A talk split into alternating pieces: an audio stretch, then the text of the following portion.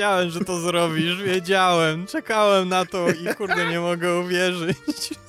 Szkoda, że nie nagrywamy wideo, Oczywiście, kochani. że tak. Złożę wam propozycję nie do odrzucenia. Jak powstał jeden z najważniejszych filmów w historii kinematografii? To nic personalnego. To tylko biznes. Konrad Korkosiński, I Piotr Maszorek. a to jest ten podcast filmowy. Ojciec chrzestny w tym roku obchodzi swoje 50. urodziny i przyznam się wam w tajemnicy, że z tej okazji ja myślałem, żeby zrobić miniserię o powstaniu pierwszej części Ojca Chrzestnego z dwóch powodów. Po pierwsze, ponieważ jest to absolutna klasyka kina i wydaje mi się, że jak z tą klasyką jest tu różnie, jeśli chodzi o to, kto widział, kto nie widział, kto słyszał, kto nie słyszał, ale Ojciec Chrzestny jest chyba taką pozycją, którą widzieli wszyscy. Nie znam ani jednej osoby, która nie widziała tego filmu i co więcej, nie znam ani jednej osoby, która tego filmu nie lubi albo której ten film by się nie spodobał. Natomiast drugi powód, dla którego chciałem zrobić tą miniserię, ponieważ historia powstawania Ojca Chrzestnego to jest fascynująca historia, o której można nakręcić pełnometrażowy film. Dokładnie tak. Jest to film, który, jak to powiedział kiedyś Guillermo del Toro, wymyślił takie pojęcie o oglądaniu filmów, y, film jednego buta. Tak, coś oglądasz i nagle już, już masz gdzieś wychodzić, zakładasz jednego buta, ale zer zerkasz na telewizor i widzisz, że o, o kurde, o kurde, leci ojciec chrzestny. I zostajesz tym jednym butem założoną, założonym na nogą, nawet jeżeli to jest, nie wiem, 12 minuta, 20, 40, 80 minuta, zostaniesz tym jednym butem, obejrzysz go do końca. Tak sobie mówisz, a teraz będzie ta scena, to zobaczę sobie tylko tą scenę Dokładnie- i, dokładnie i, i tak. już wychodzę, i już wychodzę i oglądasz następną, i następną, i następną, i następną. I powiem ci, że e, kiedyś mm, Andrzej Czarny, czyli mój teatralny mentor, którego ty chyba też poznałeś, Tak. On, on dokładnie to samo powiedział o Ojcu Chrzestnym, że jak leci jakakolwiek, jak przerzuca kanały w telewizji i widzi, że leci Ojciec Chrzestny, nieważne czy to jest środek, czy to jest początek, on siada i ogląda i ogląda do końca i jest zachwycony i nie może się oderwać. Faktycznie jest jakiś, jakaś taka magnetyczna moc przyciągania tego filmu. Tak, zresztą do... nie ma co daleko szukać. Ostatnio, dosłownie 2-3 dni temu, żeby przygotować się lepiej do odcinka, obejrzałem sobie Ojca Chrzestnego jeszcze raz. Usiadłem wieczorem, zasiadłem, odpaliłem sobie mojego Blu-raya.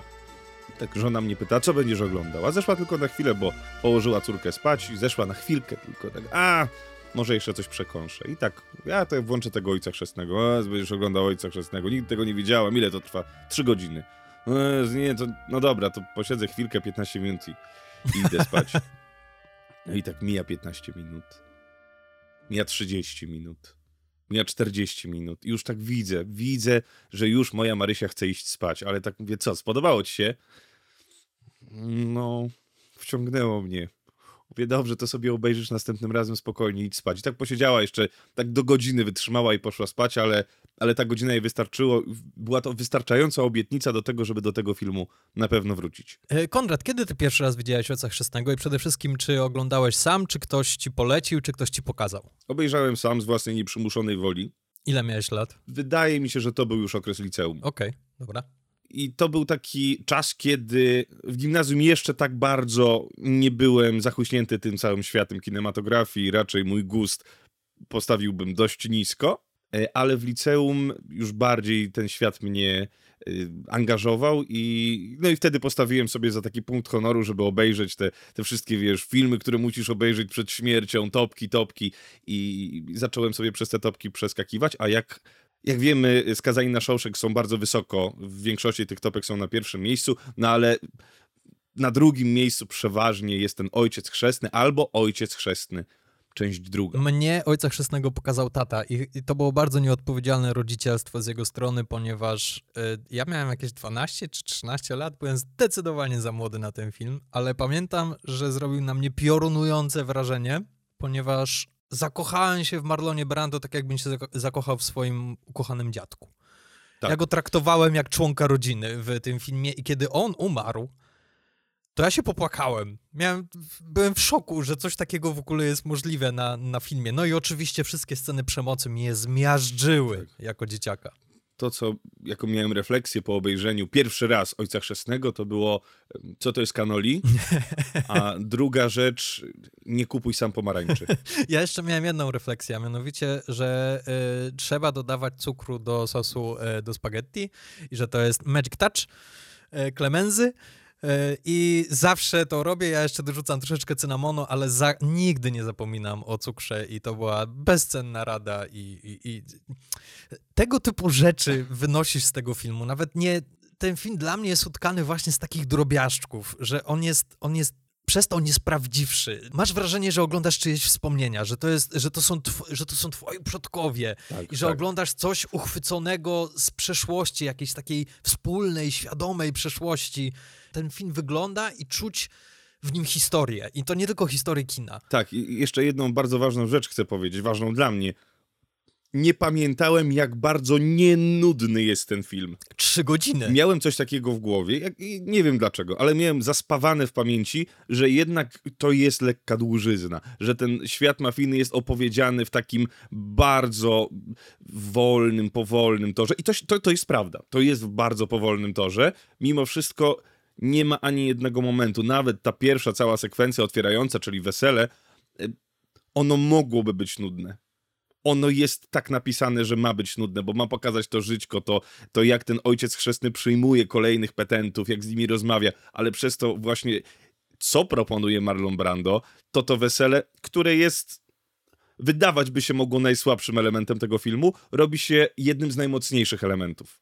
Tak, ten kontrast pomiędzy tym mrocznym gabinetem, a tym jasnym weselem, gdzie wszyscy się bawią i świętują i tańczą i sceny, które mi zapadły w pamięć z tego wesela, to jest to, że y, jakaś dziewczynka tańczy na stopach swojego dziadka i razem walcują. Albo y, to, jak y, Klemenza właśnie wywija i bierze butelkę wina i po prostu łoi y, jak wodę y, prosto tak. z butelki. Albo jak jeden z głów rodzin zauważa, że robią mu zdjęcie, jakiś tam fotoreporter robi zdjęcie i po prostu pokazuje palcem, stryka, jakiś jego zakapior bierze ten aparat, wyrywa z niego film. Tak, a później Jimmy Kahn jeszcze wychodzi na parking, też tam tych reporterów tam ściga, rozbija aparat i odchodząc jeszcze rzuca kasę, y, żeby było fair, żeby było uczciwe. Tak. Możemy bardzo długo, tak naprawdę możemy przejść przez cały ten film i opowiadać sobie o swoich ulubionych scenach, a jest ich mnóstwo, naprawdę mnóstwo. E, ale nie o tym ma być ten odcinek. Ten odcinek ma wam przedstawić fascynującą historię powstawania tego filmu, a wierzcie mi, że jest fascynująca. Przede wszystkim dlatego, że rozgrywa się w bardzo ważnym okresie w Hollywood. I to, był, to były lata 70., koniec lat, koniec lat 60., początek 70., w których Hollywood musiało się zmienić, w którym cały ten system produkowania filmu, który do tej pory funkcjonował w taki sposób, że okej, jest, są te wielkie wytwórnie filmowe i one trzymają pieczę nad absolutnie wszystkim, nad obsadą, nad y, reżyserami. Tak naprawdę nie było reżyserów wcześniej, ponieważ oni po prostu byli technicznymi, którzy pojawiali się na planie i robili dokładnie to, co producenci, czyli y, szefowie tych wytwórni chcieli. W latach 60., 70. to się zaczęło zmieniać. No dobrze, no, ale nie byłoby filmu, nie byłoby wielkich ról Marlona Brando, Jamesa Cana, y, Roberta Divala, Ala Pacino, gdyby nie było materiału źródłowego. A ten materiał źródłowy, no to wcale nie było takie oczywiste. No, to nie zaczęło się tak, że y, główny producent poszedł sobie do Empiku i zobaczył fajną książkę nazwiskiem Puzo i mówi, o, o to, to dobrze brzmi. Nie, nie, to wcale tak nie wyglądało. Było to tak, że w 1968 roku do Paramountu zgłosił się niejaki Mario Puzo, a taki jeszcze średnio znany pisarz, który przyszedł i powiedział: Słuchajcie, no, mam kłopoty, nie mam pieniędzy. Jestem hazardzistą, dużo straciłem, potrzebuję kasy. No, Mam tutaj taki fragment takiej mojej nowej powieści, którą chciał, chciałbym napisać. Mafia to się będzie nazywało. Jakbyście mogli mi tylko zapłacić za to, Dobry tytuł. zapłacić mi za to chociaż trochę pieniędzy, to ja wam tę książkę za jakiś czas napiszę i będziecie mieli materiał. Chciałem tylko sprzedać do tego prawa. Będzie fajna książka o mafii. Nigdy wcześniej nie było to używane w tytule książki. Mafia, no. Kupujecie Robert Evans, który zarządzał wtedy y, działem produkcyjnym w studiu Paramount, powiedział, no, no dobra, możemy to kupić. Możemy ci to kupić za 10 tysięcy dolarów. A jeżeli napiszesz całą książkę, to dopłacimy ci 75 tysięcy. No, trochę się tam potargowali ostatecznie stanęło na 12,5 tysiąca.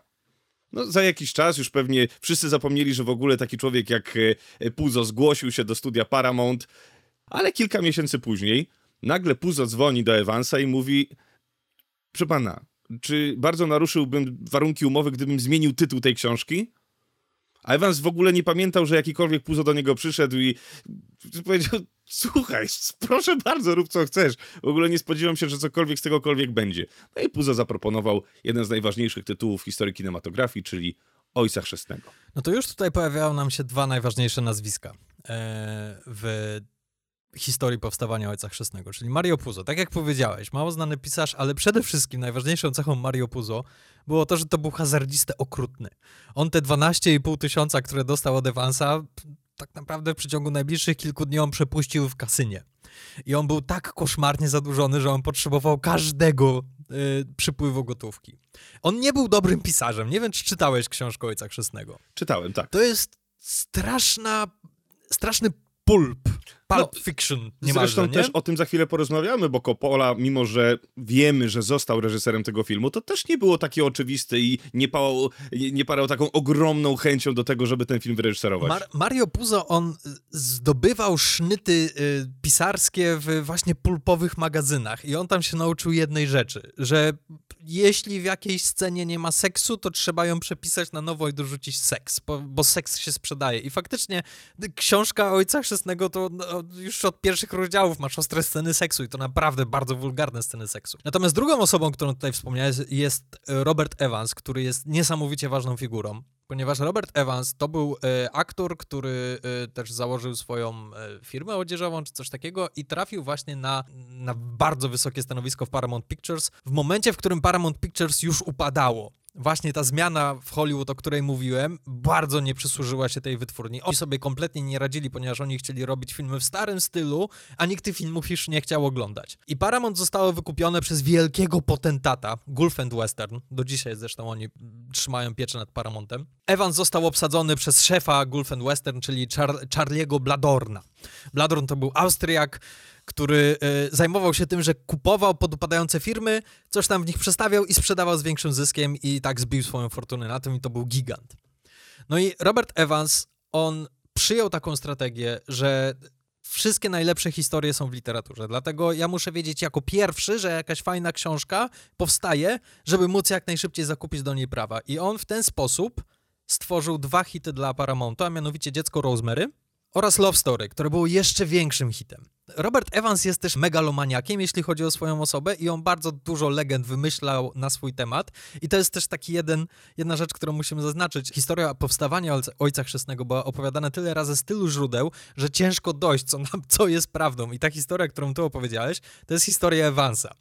Inna historia jest taka, że agent, który został wynajęty przez, e przed, przez Evansa, żeby właśnie szukał tych smakowitych kąsków w literaturze. On natrafił na Puzo i dopiero wtedy, jak już Puzo napisał całość, to trafiło do Evansa. Puzo podobno nie spotkał się z Evansem właśnie dopóki nie napisał całej książki. Ale te dwie persony są bardzo, bardzo ważne. W każdym razie Puzo skończył swoją książkę, wysłał ją do swojego wydawcy, myślał, że nic z tego nie wyjdzie. Za tą książkę Puzo dostał 410 tysięcy dolarów, jeśli dobrze pamiętam, co w tamtych czasach było odpowiednikiem 3 milionów.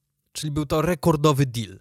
I jak Puzo wrócił ze swoich wakacji, bo jak tylko skończył pisać Ojca Chrzestnego, pojechał z rodziną na wakacje, bo myślał, że e, już na pewno to nic się nie sprzeda. Wrócił i jego agentka powiedziała, masz tutaj 410 tysięcy dolarów, jesteś, jesteś najbogatszym autorem, jaki obecnie tworzy i dostałeś rekordowy deal.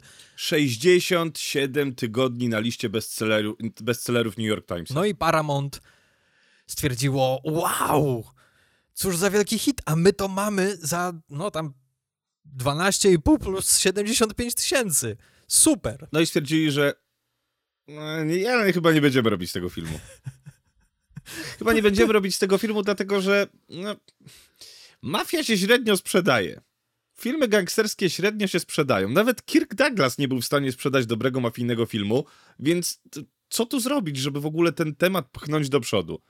No i pomyśleli, że może powodem tego, co się dzieje, jest to, że w tych filmach grają tacy, wiecie, Włosi, eee, z Hollywood, przyjechali, teraz jesteśmy, y, próbujemy... Grają Amerykanie albo, albo Żydzi, e, Tak, którzy u- udają udając, właśnie y, pana Knora. Tak, tak, właśnie mówisz, to są tacy hollywoodcy Włosi, że teraz przyjdą i powiedzą, tak jak w Polsce właśnie, gramy, pokazujemy palcem i to, i, te, i próbujemy, silimy się, y, więc co zrobić? No najlepiej zatrudnić prawdziwych Włochów. Włochów, Włochów, w sensie y, ludzi, którzy są z pochodzenia, z Sycylijczykami, Włochami, no i padło nawet takie określenie, musi być, fi, film musi być tak autentyczny, że widzowie będą czuli zapach spaghetti.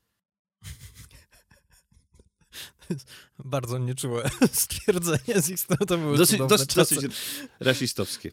Tak, e, ale jeszcze jedna rzecz się wydarzyła, a mianowicie Bert Lancaster, który miał swoją firmę produkcyjną, on chciał odkupić prawa do Ojca Chrzestnego za milion, żeby mógł to zekranizować, ponieważ jak przeczytał tą książkę, zobaczył jaki to jest hit, jak ludzie to uwielbiają, to stwierdził, że to będzie, to on musi zrobić ten film i oczywiście jak Paramount się dowiedział, milion? O nie, nie, nie, nie, nie, nie wypuszczamy tego, musimy to pchnąć do produkcji, żeby to się faktycznie zadziało.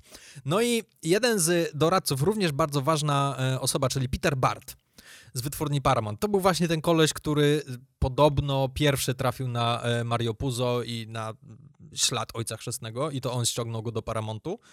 On wpadł na taki pomysł, że może by zatrudnić takiego początkującego reżysera właśnie pochodzenia, z pochodzenia Włocha, czyli niejakiego Francisa Forda Coppole, który siedzi sobie w San Francisco, założył swoją wytwórnię American Zoetrope e, i on chce robić swoje ambitne, artystyczne projekty, ale podobno się koszmarnie zadłużył, ponieważ jakby, no, jego projekty były tak wymagające, kupił jakiś niesamowicie e, nowoczesny sprzęt do montażu, a, tak, a nie robią tam żadnych filmów. No a poza tym współpracował z człowiekiem, który też średnio szanował budżet, czyli z George'em Lucasem. który, swoją drogą, e, musimy mu podziękować, ponieważ to on przekonał Francisa Forda Coppole do tego, żeby słuchaj, zrób tego Ojca Chrzestnego, no bo tak jak powiedziałeś, Coppole nie chciał zrobić tego, no właśnie, nie? ale dlaczego nie chciał zrobić? Bo mu się ta książka po prostu nie podobała. On już miał dosyć tych ciągłych opisów seksu, nie wiedział nawet jak się za to zabrać, nie rozumiał tego świata, no ale rzeczywiście kolega mu powiedział, słuchaj stary, mamy długi, no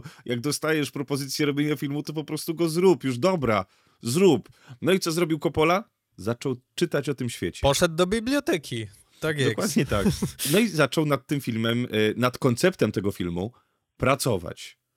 No i czy to się spodobało Paramountowi? Coppola przyjechał do Evansa i powiedział, że słuchajcie, to jest, to, to nie jest historia o gangsterach, którzy strzelają się na ulicy, to jest historia o rodzinie i przede wszystkim... Metafora amerykańskiego kapitalizmu. I w tym momencie Robert Evans powiedział, wypierdalaj z mojego biura, nie ma szans, co ty pierdzielisz? Ja chcę mieć gangsterów, ja chcę mieć strzelaniny.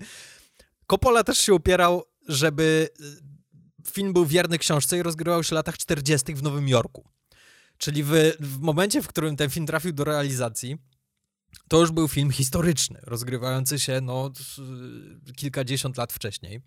Po drugie w Nowym Jorku, czyli w najdroższej lokalizacji, jaką można sobie wymyślić. Evans nie chciał się zgodzić. Mówi, nie, nie, nie, robimy współczesnego Ojca Chrzestnego. Będzie się działo w latach 70. i będzie brudny, będą narkotyki i tego typu rzeczy.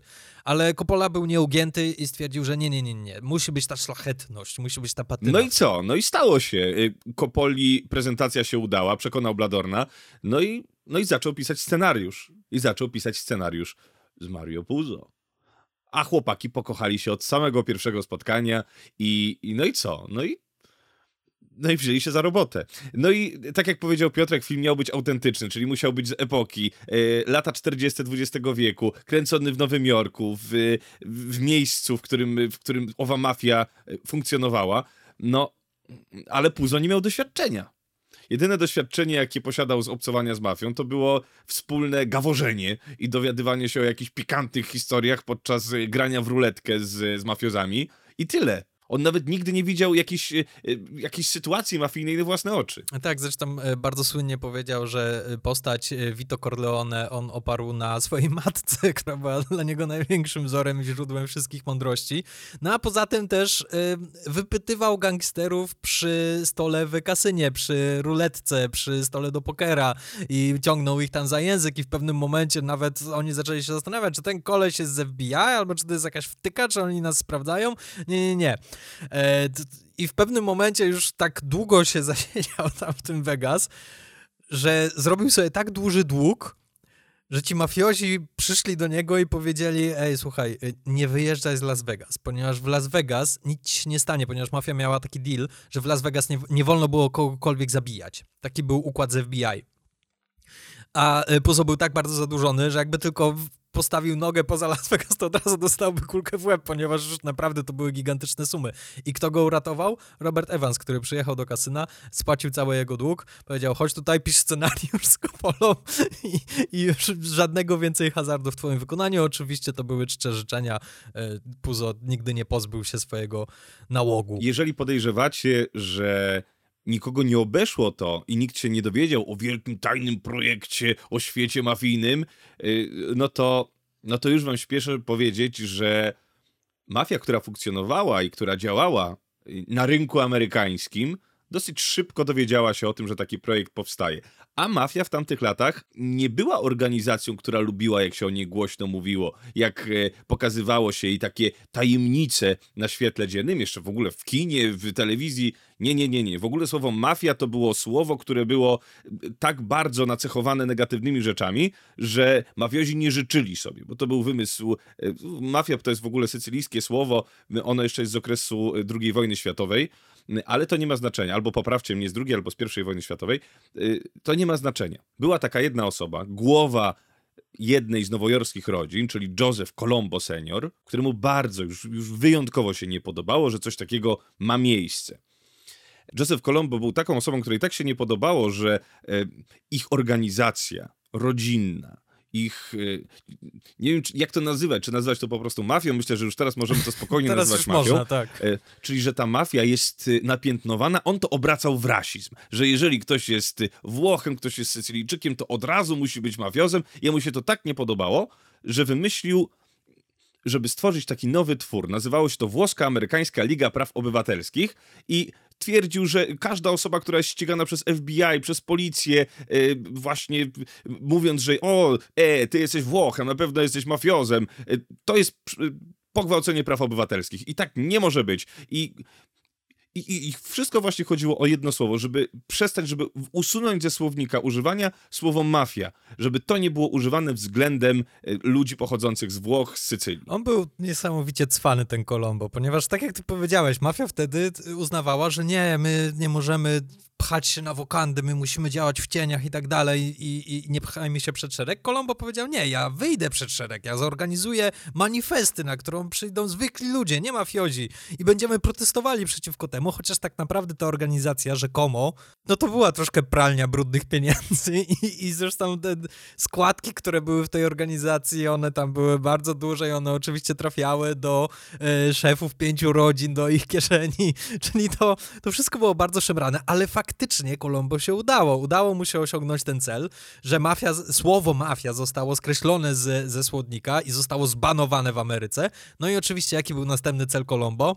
Ojciec chrzestny, jak się dowiedział, że ten film powstaje na podstawie powieści Mario Puzo, no to obrał go sobie za cel i zresztą miał jeszcze y, dodatkowe motywacje, ponieważ ktoś, kto był bardzo mocno związany z mafią i który został bardzo niekorzystnie przedstawiony w tej książce, także bardzo naciskał właśnie na te pięć rodzin mafijnych w Nowym Jorku i także na Colombo, żeby on powstrzymał ten film. I to jest bardzo zabawna anegdota powstawania Ojca Chrzestnego. Tą osobą był Frank Sinatra. Frank Sinatra był pierwowzorem postaci Johnego Fontaina, czyli chrześniaka Vito Corleone e, z pięknym, aksamitnym głosem, który jak tylko śpiewa na weselu koni, to wszystkie nastolatki mdleją jak na Beatlesach. No i, i jeśli czytałeś Ojca Chrzestnego, to łatwo się domyślić, dlaczego Sinatra był wściekły i dlaczego e, zaczął naciskać swoich znajomych, a byli to znajomi, znajomi z mafii, bardzo wysoko postawieni mafiozi, żeby jak najszybciej ukrócić. I zresztą doszło też do dosyć zabawnej sytuacji, ponieważ e, Al Rudy, czyli właśnie producent Ojca Chrzestnego, o którym za chwilę sobie porozmawiałem, bo to też jest bardzo ważna postać, e, zabrał Mario Puzo do restauracji. Zabrał go do restauracji, ponieważ dostał wytyczne od jego żony, żeby e, pilnuj jego diety, bo on jest gruby i się obżera i musisz pilnować, żeby się nie obżerał. I e, Rudy tak bardzo się tym przejął, e, że też poszedł na tą dietę. E, Rudy zaczął chudnąć, natomiast Puzo zaczął tyć. I zastanawiał się, o co chodziło. I się do- dowiedział, e, jak poszedł z rodziną do jakiejś tam pizzerii. Właściciel tej pizzerii wyszedł do Rudiego i powiedział, o, uwielbiamy Mario. A skąd wy go uwielbiacie? A bo on codziennie zamawia dwie pizze wieczorem do swojego pokoju. No i Rudy postanowił trzymać mocniej Mario Puzo na smyczy i zabrał go do restauracji. No i tak się niestety złożyło, że w tej restauracji siedział Frank Sinatra. I Mario Puzo zupełnie nie wiedział, że Frank Sinatra jest cięty na niego, a ponieważ jego mama miała podobno w kuchni dwa portrety e, Jezusa i Franka Sinatry, no to poszedł się przywitać i powiedzieć, jak wielkim fanem on jest. Rudy nie zdążył go powstrzymać, gdzieś tam się obrócił, coś tam załatwiał ze stolikiem. Puzo poszedł do Sinatry. Jak Sinatra się wściekł i zaczął wyzywać e, Puzo od Alfonsów i grubasów, to Puzo też się wściekł. I wystartowali do siebie i prawie by się tam zabili w tej restauracji, dopóki ich tam nie odciągnęli od siebie. No w każdym razie sytuacja była bardzo, bardzo napięta. No i teraz może to jest dobra chwilka, żeby porozmawiać troszkę o Alu Rudim, czyli producencie Ojca Chrzestnego, który w tym konflikcie odegrał bardzo ważną rolę. Evans, czyli ten główny dyrektor producentów w Paramouncie, powiedział Rudiemu, stary, idź, pogadaj z tym Colombo. Nie wiem, złóż mu jakąś propozycję nie do odrzucenia. no i poszedł. Y, Spotkali się.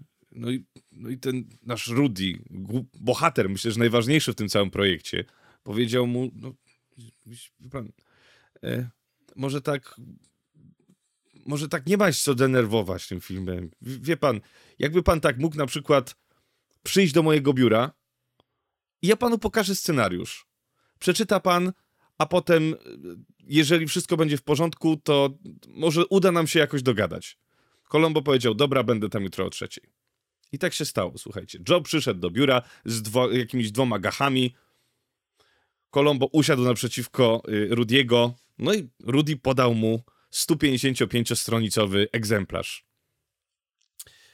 Głowa amerykańskiej, nowojorskiej rodziny wzięła ten scenariusz, przeczytała jedną stronę, tak średnio, bo jak się okazało, miał solidną wadę wzroku. Tak spojrzał, popatrzył i powiedział, że nie można tego rozczytać nawet. E, Za, za, zadał, też, zadał też jedno ważne pytanie. Co to znaczy fade in? Już wtedy Rudy wiedział, że nie ma takiej możliwości, że on cokolwiek zrozumie z tego scenariusza i że w ogóle to przeczyta i że da mu jakieś cokolwiek opinie. Ostatecznie Colombo powiedział jedną rzecz. Dla mnie jest nieważne, co to będzie, o czym to będzie. W tym filmie nie może paść słowo mafia. Cokolwiek by się wydarzyło, nie ma słowa mafia. Rudy poprosił, że jest tylko jedna scena w momencie, kiedy y, y, Robert Dival próbuje przekonać y, pewnego producenta filmowego, żeby tego naszego Sinatrę w filmie zatrudnić do, do roli w filmie, to tam pada jedno, jedna mafia, jedno słowo mafia na cały film. No i w ten sposób Colombo powiedział, dobra, może być. Lubię tego gościa. Ten gość jest dobry, ty jesteś swój człowiek. Ale najśmieszniejsze jest to, że chwilę później chłopaki się ze sobą pofotografowali. E, Rudy razem z naszymi mafiozami i potem napisali jeszcze, by odpowiedzieli kilku dziennikarzom, że tak, udało się dogadać, jesteśmy w porządku, jesteśmy posłowie, jest super.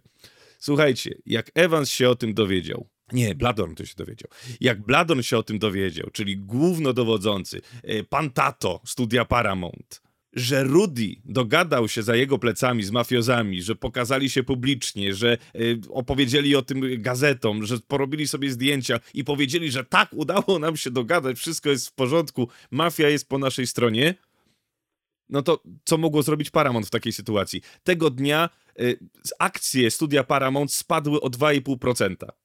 Wszyscy byli wściekli. Bladon powiedział, kończymy ten film, kończymy projekt, dziękuję panie Rudy, zostajesz wyrzucony z pracy z, y, natychmiastowo. Koniec, dziękuję bardzo.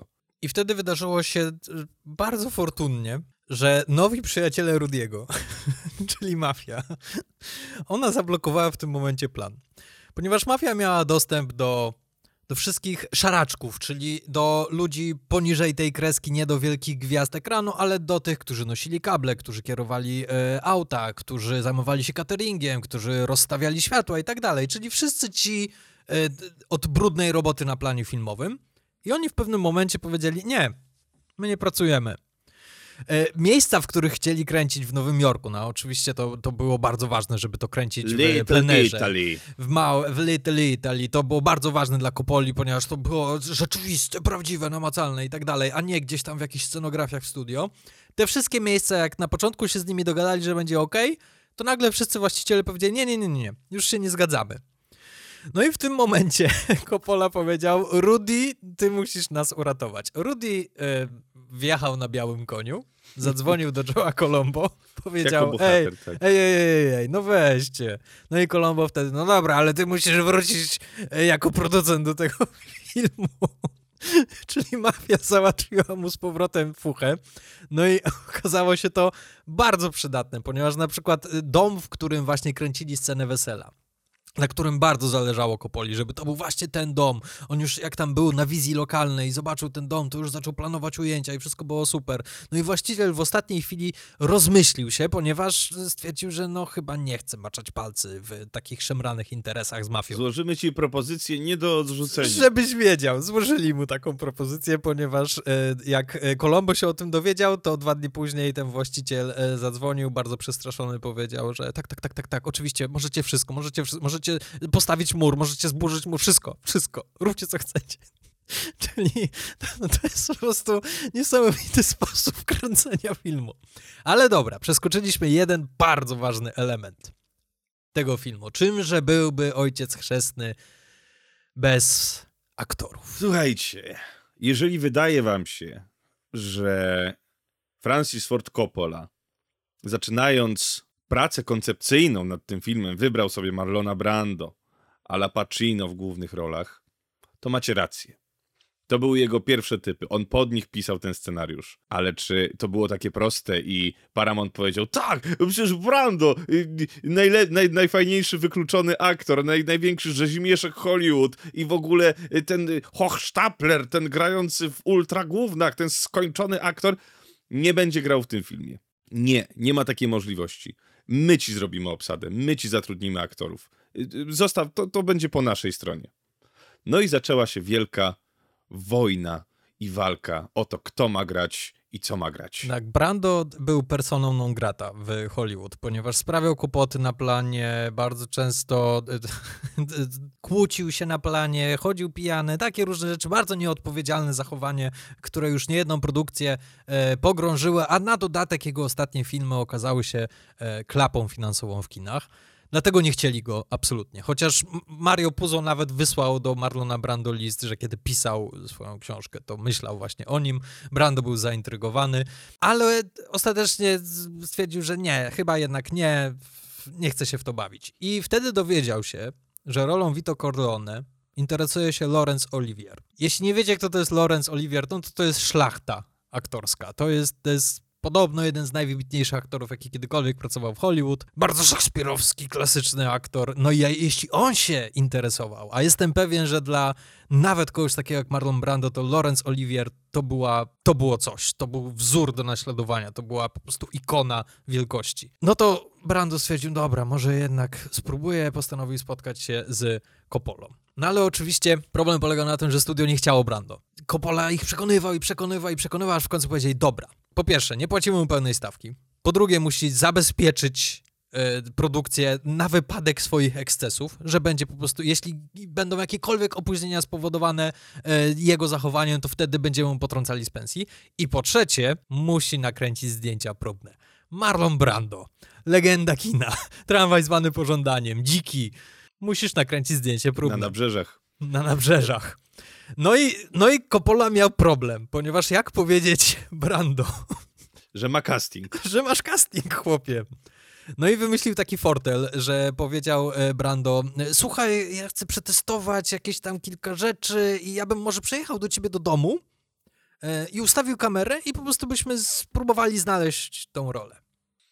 Kiedy Coppola przyjechał do Marlona, do domu, no tam rozstawił kamerę, Brando wyszedł w kimonie z blond włosami związanymi w kucyk, no i zaczął mówić. Zaczął y, mówić, y, wkładać sobie watę w kąciki ust. Y, wymyślił sobie, że ojciec chrzestny został kiedyś postrzelony w gardło, więc zaczyna mówić tak z tym swoim charakterystycznym głosem. No i, no i co? No i, no i jak Coppola pokazał Bladornowi to nagranie, no to pierwsza reakcja była Kurwa, Brando? Nie, nie, nie chcę w ogóle tego oglądać. Wy, wyłącz to. Obejrzał materiał i powiedział, to jest niesamowite. Ten facet jest niesamowity.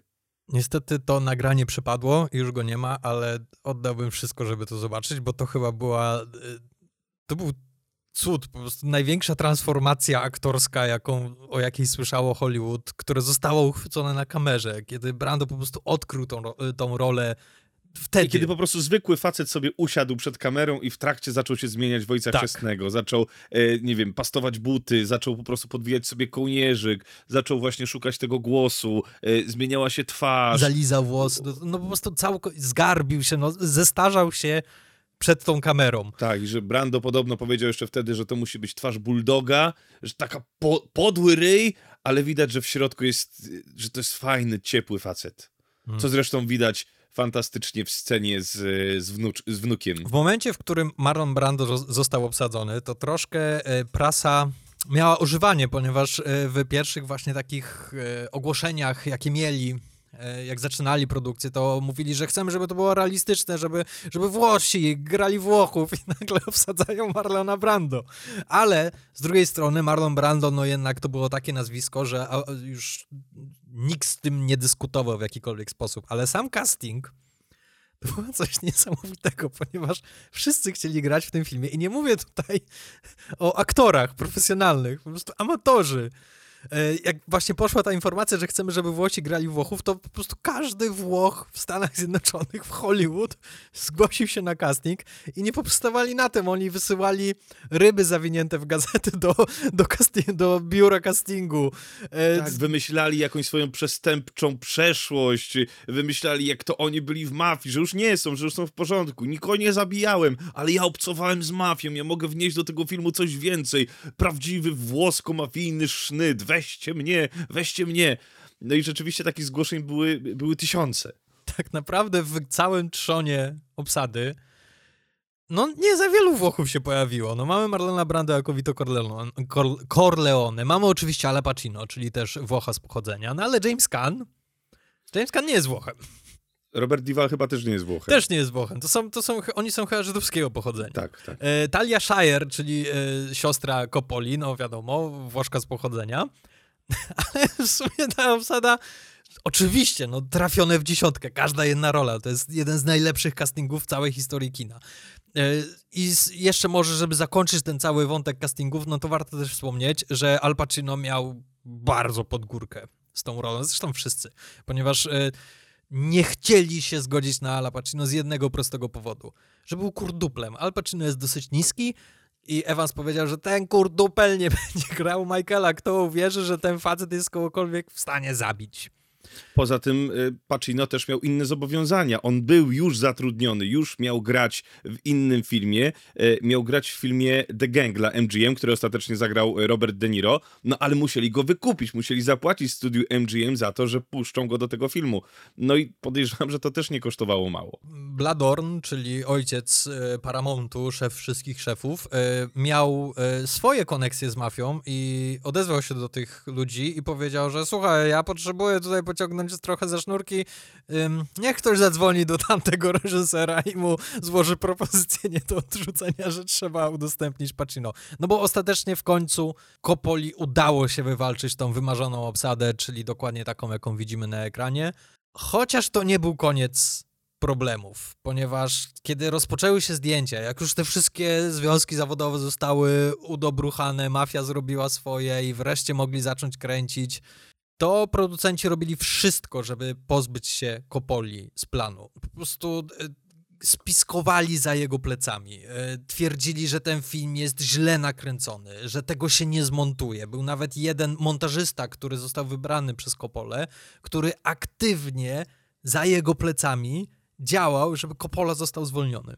I tak naprawdę bardzo ważnym momentem, i to jest dosyć znana anegdota, była scena, z, e, w której Michael zabija e, Solotce i tego skorumpowanego sierżanta policji. Mhm, w restauracji. Ponieważ do, do tej pory wytwórnia Paramount dostawała takie informacje właśnie od tych swoich wtyk na planie, czyli między innymi tego skorumpowanego montażysty, że to, to, to, co oni kręcą, to jest kompletna amatorka, że to jest niedoświetlone, że tego się nie zmontuje, nie da rady tego zrobić. I Coppola wreszcie stwierdził, ok, zrobimy tak. Ja wezmę tą scenę, zmontuję ją, pokażę ją w Paramount, że, że ja wiem, co robię i że coś z tego wyjdzie. I faktycznie, jak zmontował tą jedną scenę, jeszcze w trakcie kręcenia i pokazał ją wytwórni no to wtedy wszystkie głosy krytyki ucichły, stwierdzili, okej, dobra, Pacino jest świetny, to co on wyprawia w tej scenie jest genialne, to, jest, to wygląda rewelacyjnie, to jest pełne napięcia, no i w tym momencie już koniec wojny, ten montażysta został zresztą wywalony przez samego Kopole, który zwolnił razem z nim jeszcze chyba pięć innych osób, w tym swojego asystenta reżysera, żeby mieć święty spokój, chociaż to bynajmniej nie był jeszcze koniec problemów. No tak, no, tak jak mówiłeś, e, Coppola miał cały czas pod górkę, cały czas walczył z Evansem. Też bardzo duża walka stoczyła się o oświetlenie. W czasach, kiedy wszystkie filmy były raczej prześwietlone i bardziej stawiali na tę ostrą ekspozycję, no to e, Gordon Willis, Gordon Willis czyli operator, nakręcił Ojca Chrzestnego w ciemności tak naprawdę. No to są, wszystko jest grane na półcieniach. Tak naprawdę e, postać Dona Corleone cały czas jest kręcona w, w jakimś zamkniętym pomieszczeniu. Widzimy y, połowę, pra, pra, prawie cały czas jego, jego twarz jest w połowie zacieniona. No i no i co? No i okazało się, że to był strzał w dziesiątkę, że to stworzyło jakiś nowy rozdział kinematografii, że można kręcić y, ciemniej i pokazywać to, co chcemy pokazać, budując nastrój tego. Nie musimy od razu wszystkiego wywalać. Teraz to jest, co się wydaje oczywiste, że ten film został tak nakręcony, ale już na planie Francis Ford Coppola non-stop kłócił się z Gordonem, z operatorem, ponieważ e, on sposób, w jaki on ustawiał te światła, był cholernie precyzyjny. To znaczy, że wystarczyło, że aktor nie trafił w punkt, w którym miał stać i już był w kompletnej ciemności i nie było go widać. E, co z kolei kłóciło się ze stylem Kopoli, który był bardzo spontaniczny i chciał, żeby aktorzy mogli się poruszać i żeby mogli improwizować i proponować coś nowego. I było mnóstwo scysji na planie z tego powodu. E, ostatecznie Al Rudy większość z, tych, z większość z tych kłótni musiał rozsądzać i musiał łagodzić, ponieważ no, już zaczęło być naprawdę bardzo, bardzo ostro. Historii z planu Ojca Chrzestnego jest mnóstwo i mnóstwo tego krąży w internecie, chociażby słynna e, anegdota, że ten kot, którego, który Marlon Brando trzyma na swoich kolanach, on nie był zaplanowany, to był po prostu przybłęda, który mm -hmm. szwendał się po planie i Marlon Brando stwierdził, a on Kicia wziął go na swoje kolana i, i zagrał z nim scenę, nie ustalając tego z nikim. Podobno kotu było tak bardzo przyjemnie na kolanach Marlona Brando, że bardzo mruczał i że zrujnował cały dźwięk z tego dnia i ciężko było to wyratować, co zresztą też później Francis Ford Coppola dostał rugi za to i powiedzieli mu, że co to w ogóle nie słychać, co on mówi. Ten kot mruczy głośniej. Ja też lubię te historie, kiedy robili sobie jaja na planie, e, typu mamy postać Luca Brasi, czyli ten taki olbrzym, mamy najbardziej w pierwszej scenie go widzimy, on jest potem zamordowany przez e, e mafię, mafię Tagliatelle. E, I e, Luca Brasi to był, to w rzeczywistości to był facet, który miał przeszłość mafijną, on był nie wiem czy zapaśnikiem, czy był bokserem, ale on miał właśnie z mafią dużo do czynienia, no i zatrudnili go, bo Coppola się w nim zakochał, jak tylko go zobaczył, bo to był jeden chyba z, z jakichś tam ludzi od Colombo, jego ochroniarz. I no i on, to był kom kompletny naturszczyk, wielki, wydawać by się mogło na pierwszy rzut oka, że dosyć tępy człowiek, no i bardzo się stresował swoją pierwszą, pierwszą sceną z Marlonem Brando i nie wiedział w ogóle, wszyscy się stresowali, że on tego nie zagra, że jest tak zestresowany. Chyba y, James Canu powiedział, słuchaj, weź taśmę klejącą i naklej sobie na języku napis fuck you i jak będziesz y, kręcony z tyłu i będzie kamera na Marlona, to po prostu wystaw ten język i pokaż y, Brando język z napisem fuck you. No i tak zrobili, Marlon Brando oczywiście śmiał się, cała ekipa się śmiała, wszyscy się śmiali, Luca Brasi, czyli Lenny Montana, no trochę się rozluźnił, następnego dnia powtarzali tę scenę i co zrobił Marlon Brando? Nakleił sobie na język napis fuck you too. Zresztą bardzo lubię też scenę, jak e, no, Marlon Brando fantastyczny oscarowy aktor. Co prawda z jakąś tam momentem mielizny jakiegoś, e, już nawet nie mówię o, o jego występach, ale też miał, po prostu miał problemy w e, życiu prywatnym, które rzutowały na jego pracę zawodową. No i, no, no ale nagle wiecie, mamy młodych aktorów, mamy Roberta Divala, mamy e, Jamesa Kana, którzy spotkają się z taką historią i bardzo lubię historię, którą opowiadali, że właśnie Marlon Brando był takim prawdziwym ojcem chrzestnym na tym planie, że wszyscy go tak ultra szanowali, wszyscy się go bali i raczej był tak odbierany za takiego, no, dzień dobry mistrzu, dzień dobry, y, więc wszyscy z szacunkiem, wszyscy się stresowali, ale pewnego dnia wracali z planu i zobaczyli Robert Duval i James Caan wracali samochodem i nagle zatrzymali się na światłach i zobaczyli, że po lewej stronie w samochodzie stoi Marlon Brando na światłach. I tak, co tu zrobić? Co tu zrobić? Co tu zrobić? I Duval zaproponował Kanowi, pokaż mu dupę. Co? Pokaż mu dupę. O, Oczywista dupę za okno. oczywista reakcja, jak widzisz swojego Dawaj, idola. Pokaż, pokaż mu dupę, szybko.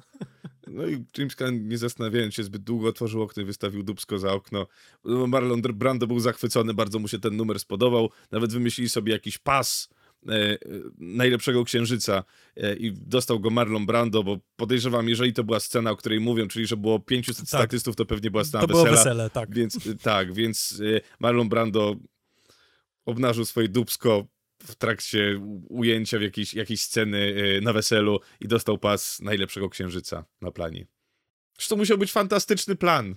Rodzinna atmosfera na tym planie, poza wielkim stresem, jaki ciążył na barkach Kopoli, ale myślę, że aktorzy bawili się, czuli się jak rodzina tam. Zresztą na zdjęciach, prób, zanim jeszcze film się rozpoczął, zdjęcia się rozpoczęły, to Coppola zrobił wszystkim kolację, gdzie oni wszyscy, wszyscy aktorzy się na niej stawili i naturalnie weszli w swoje role, zupełnie tego nie planując i właśnie Brando zaczął polewać wino i zaczął wypytywać Al Pacino, co on ma zamiar zrobić ze swoją przyszłością i, i, i wiesz, wszyscy zaczęli jakby naturalnie weszli w swoje role. Wydaje mi się, że to faktycznie e, musiał być niesamowity plan zdjęciowy, chociaż Coppola po wielu latach powiedział, że e, miał wiele stresujących planów zdjęciowych. Legendarny taki stresujący plan zdjęciowy jego to jest Czas Apokalipsy, gdzie prawie że oszalał, ale żaden inny plan go tak, nie był tak męczący jak plan Ojca Chrzestnego z tego powodu, że on nieustannie czuł, że jest na celowniku i że on jedno potknięcie i może wylecieć. I tak naprawdę tak już było do samego końca.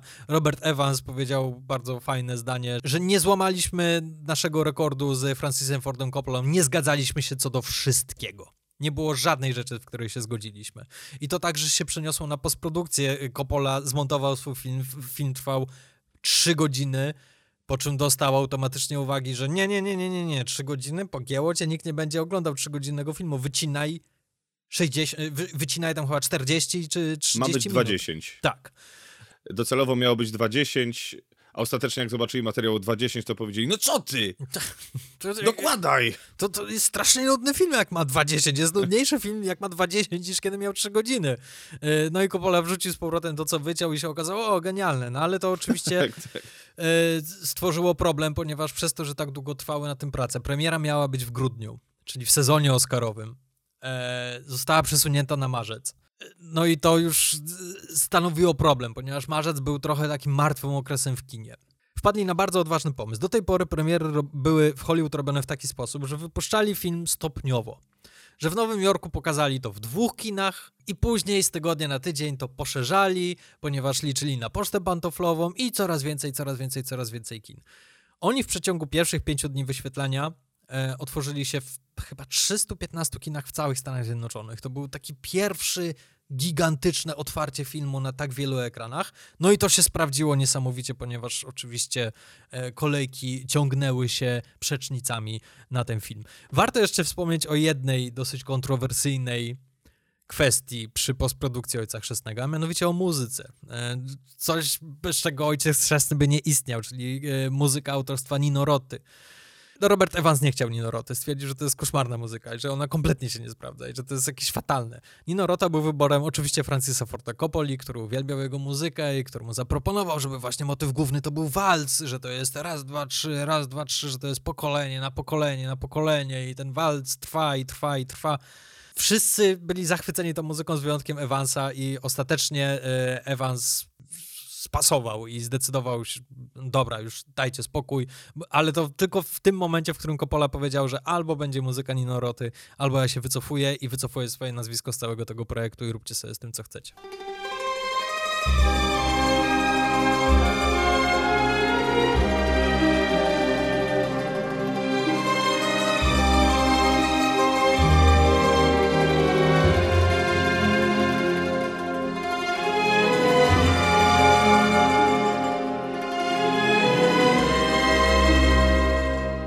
No i jak to się wszystko skończyło?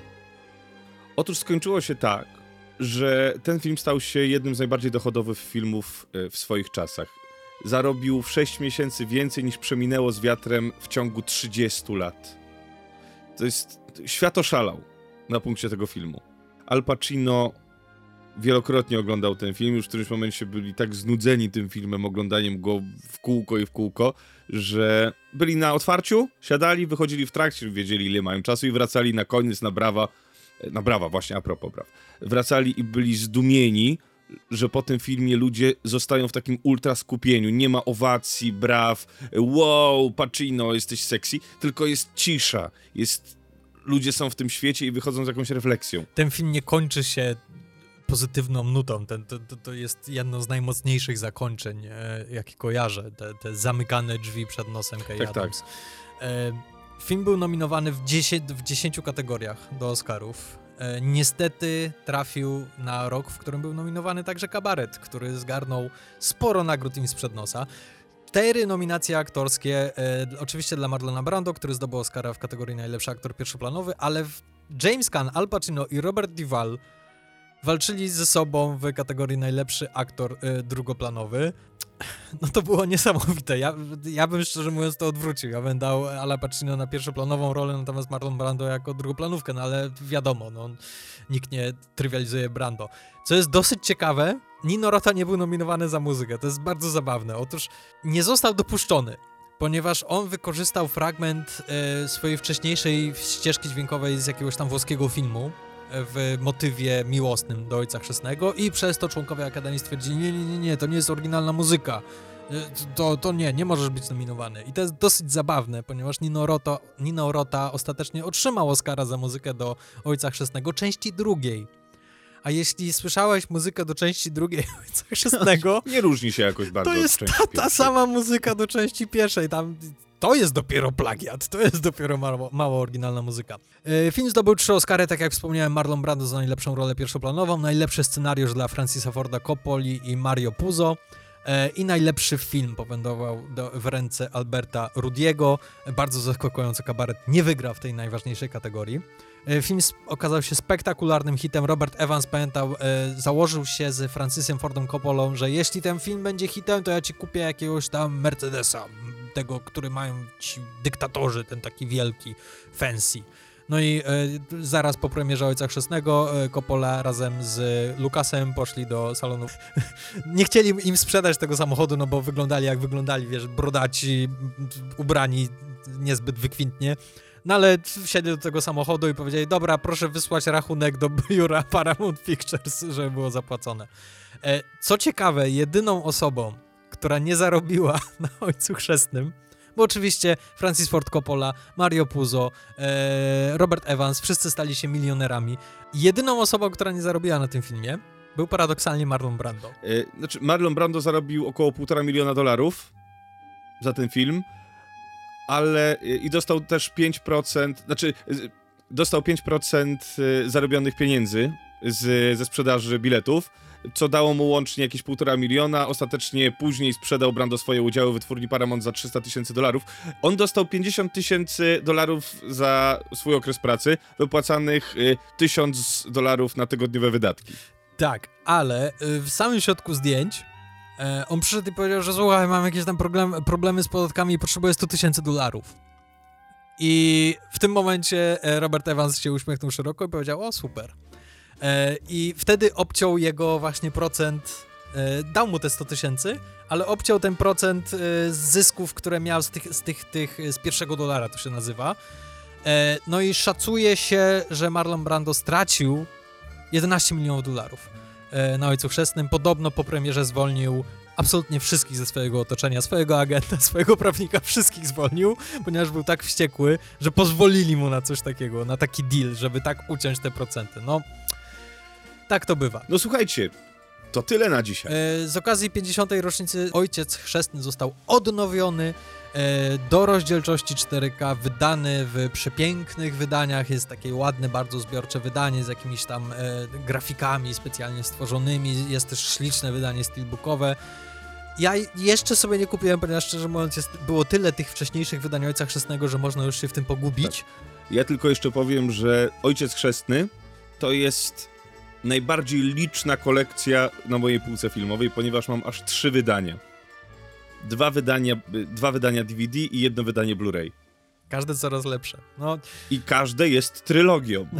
Więc No niestety y, mogliby się tak już. Mam nadzieję, że po tym wydaniu 4K, że już skończą i że nie będą tego filmu odświeżali tych wydań co jakieś 5 lat, tak jak to robili do tej pory, ale też, też miałem ostatecznie y, kupiłem włoskie wydanie, a bardzo a propos, włoskie wydanie, bardzo ładne, fajne.